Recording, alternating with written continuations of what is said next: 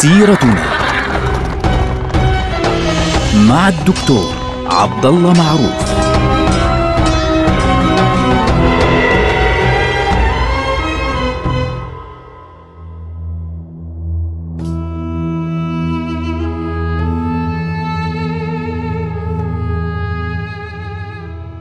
السلام عليكم ورحمة الله وبركاته. سيرتنا سيرة هذه الأمة ونحن الآن في نهاية عهد الدولة العثمانية.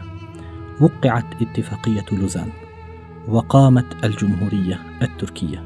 كان قيام الجمهورية التركية في تاريخ التاسع والعشرين من شهر أكتوبر من عام 1923 في ذلك الوقت كان الخليفة الأخير عبد المجيد أفندي أو يلقب أحيانا عبد المجيد الثاني ابن السلطان عبد العزيز موجودا في إسطنبول طبعا نحن كنا قد ذكرنا سابقا في حلقة ماضية أن السلطان محمد وحيد الدين كان قد رفض أن يتنازل عن فكرة الحكم يعني كونه حاكما إضافة إلى كونه خليفة بالمعنى الديني في ذلك الوقت.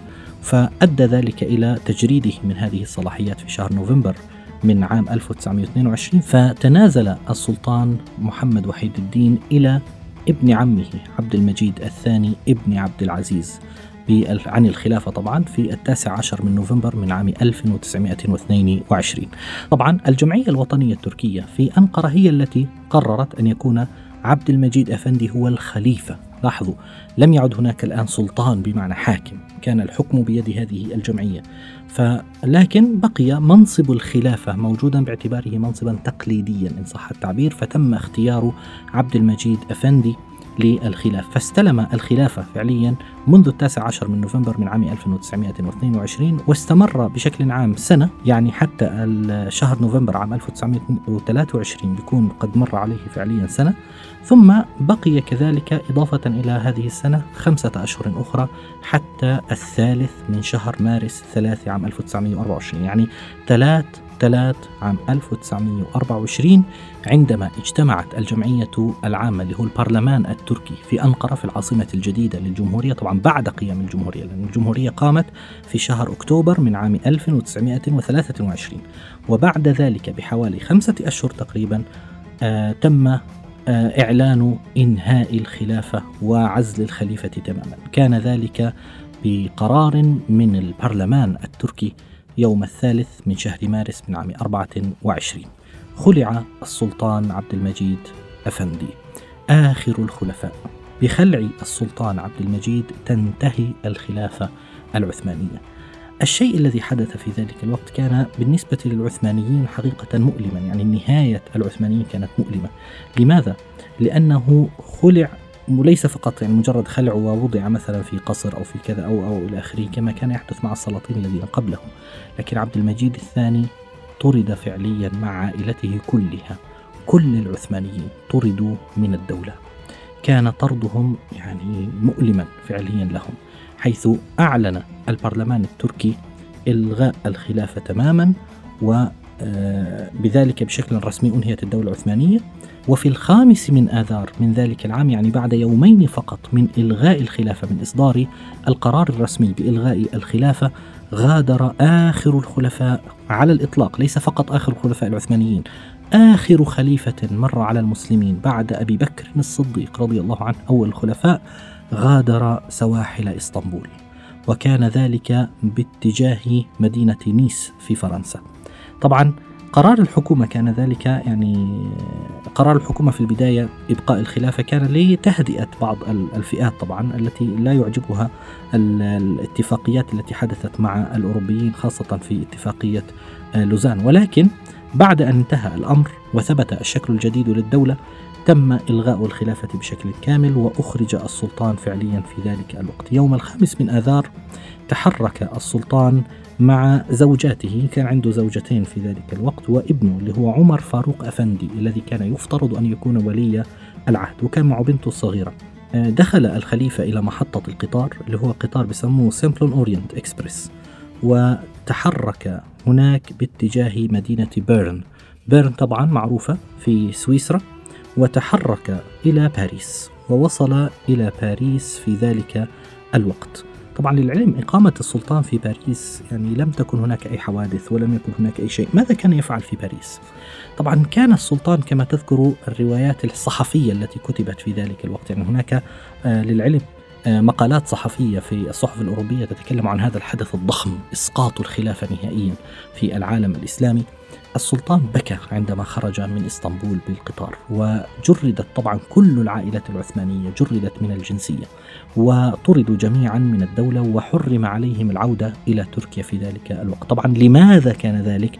لأسباب سياسية بالدرجة الأولى كي لا يعود العثمانيون ويطالبوا فعليا الشعب بالالتفاف حولهم ثم القيام بثورة على النظام الجديد النظام الجمهوري الجديد.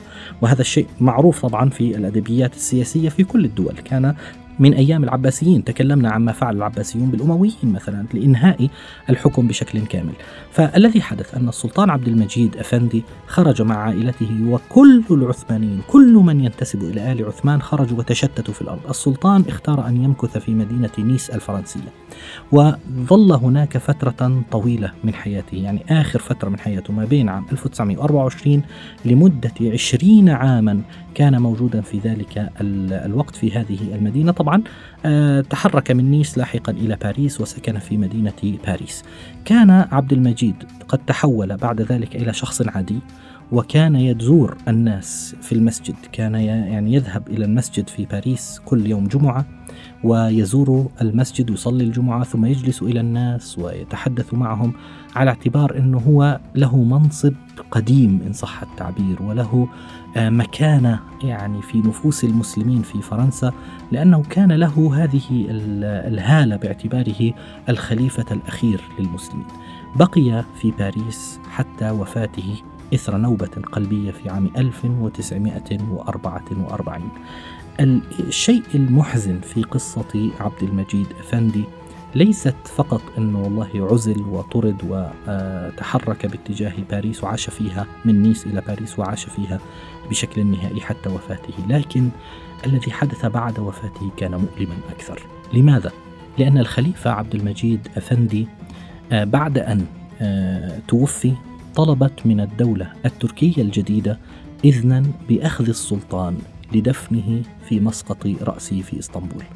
طبعا السلطان محمد وحيد الدين الذي سبق عبد المجيد عندما توفي في المنفى نقل إلى بيروت ومنها دفن في دمشق يعني قبره في دمشق محمد وحيد الدين اللي هو محمد السادس الذي قبل عبد المجيد أفندي.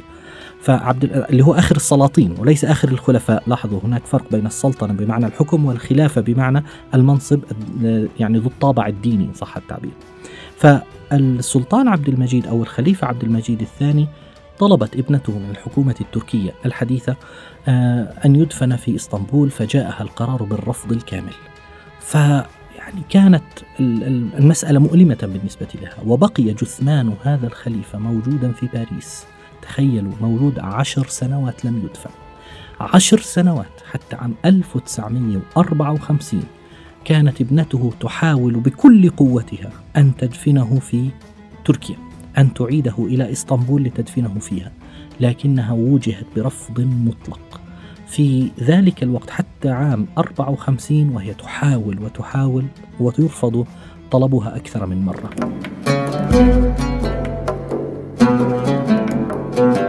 في النهاية عندما بدأ عهد عدنان مندريس لاحقا عندما بدأ عهد آه، عدنان مندريس طبعا معروف عدنان مندريس هو الذي أعاد الأذان باللغة العربية ويعني له قصة معروفة في آه، التاريخ التركي الحديث. عندما كان عدنان مندريس رئيس الوزراء في تركيا تمكنت ابنة السلطان من دخول تركيا لكن ليس باعتبارها عثمانية لأنها تزوجت أحد أمراء الهند وبالتالي زارت آه، إسطنبول باعتبارها هندية باعتبارها أميرة هندية.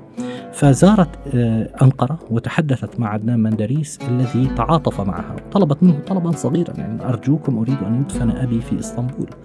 فتعاطف معها وعرض الأمر على البرلمان. في ذلك الوقت وهذه حادثة مشهورة جدا في التاريخ التركي الحديث. وافق البرلمان كاملا على أن يدفن السلطان عبد المجيد أفندي أو الخليفة عبد المجيد أفندي في إسطنبول إلا نائبا واحدا فقط. فنقض القرار كله. لماذا؟ كان المشترط فعليا في هذا القرار أن يكون بالإجماع. فهناك نائب واحد ورفض هذا الأمر وقال أنا لا أقبل بأن يدفن هذا الخليفة هنا في هذه البلاد. ولذلك نقض القرار بالكامل. هذا الأمر يعني آلم ابنة السلطان عبد المجيد أفندي. آلمها بشكل كبير جدا ولكنها مع محاولاتها الطويلة لم تستطع اطلاقا. فتوجهت إلى ملك السعودية في ذلك الوقت اللي هو الملك سعود وطلبت من الملك سعود إذنا بأن يدفن أبوها في مكان خير من إسطنبول وخير من الدنيا وما فيها وهو مقبرة البقيع. فوافق الملك سعود على ذلك. ونقل جثمان السلطان الخليفة الأخير عبد المجيد أفندي ابن السلطان عبد العزيز من باريس إلى مدينة رسول الله صلى الله عليه وسلم. وصلي عليه بمسجد رسول الله صلى الله عليه وسلم ثم دفن في البقيع. فكانت البقيع المكان الذي دفن فيه آخر خلفاء المسلمين. سبحان الله هنا لفتة تاريخية لطيفة. أول خلفاء المسلمين يدفن في المدينة وآخر خلفاء المسلمين دفن أيضا في المدينة. المدينة كان منها المبتدأ وكان إليها المنتهى. بذلك سقطت الدولة العثمانية. وبذلك انتهت مرحلة من مراحل أمتنا وحياة أمتنا وسيرة أمتنا الطويلة بسقوط آخر دول الخلافة الإسلامية التي نعرفها حتى هذا اليوم. لماذا سقطت الدولة العثمانية؟ ظروف كثيرة جدا يعني امتدت على مر تاريخ الدولة العثمانية الذي هو ليس تاريخا قصيرا وإنما تاريخ طويل كما رأينا ولذلك لا بد من سقوط الدول كما تقوم لا بد من موتها كما تولد وهو النهاية الطبيعية لهذه الدولة بعد أن قامت وكبرت ثم هرمت وشاخت وانتهت الدولة العثمانية نلقاكم على خير والسلام عليكم.